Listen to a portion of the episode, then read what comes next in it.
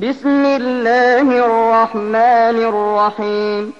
والشمس وضحاها والقمر إذا تلاها والنهار إذا جلاها والليل إذا يغشاها والسماء وما بناها والأرض وما طحاها ونفس وما سواها فألهمها فجورها وتقواها قد أفلح من زكاها وقد خاب من دساها అనంత కరుణామయుడు అపార కృపాశీలుడు అయిన అల్లాహ్ పేరుతో ప్రారంభిస్తున్నాను సూర్యుడు సాక్షిగా అతని ఎండ సాక్షిగా సూర్యుని తరువాత వచ్చేటప్పటి చంద్రుడు సాక్షిగా సూర్యుణ్ణి దేదీప్యమానం చేసేటప్పటి పగలు సాక్షిగా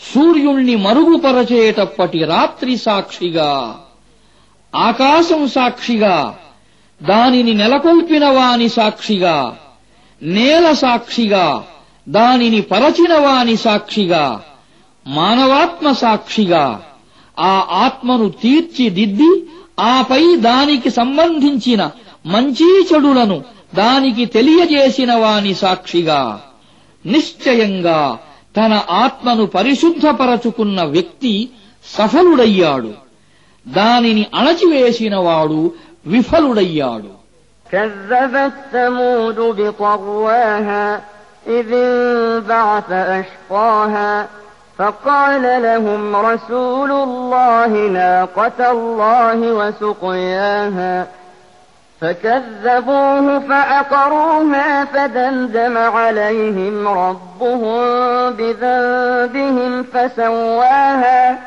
ولا يخاف عقباها సమూద్ జాతి తన దుర్మార్గపు వైఖరి కారణంగా ధిక్కరించింది ఆ జాతికి చెందిన పరమ దుర్మార్గుడొకడు దిగ్గున లేచాడు.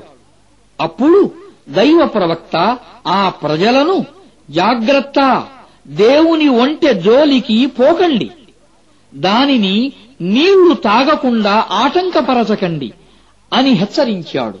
కాని వారు ఆయన మాటను ధిక్కరించి ఒంటెను చంపేశారు.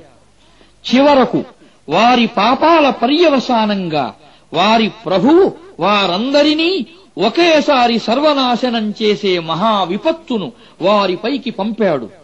ఈ చర్య వల్ల ఏదైనా దుష్పరిణామం సంభవిస్తుందన్న ఎలాంటి భయమూ ఆయనకు లేదు.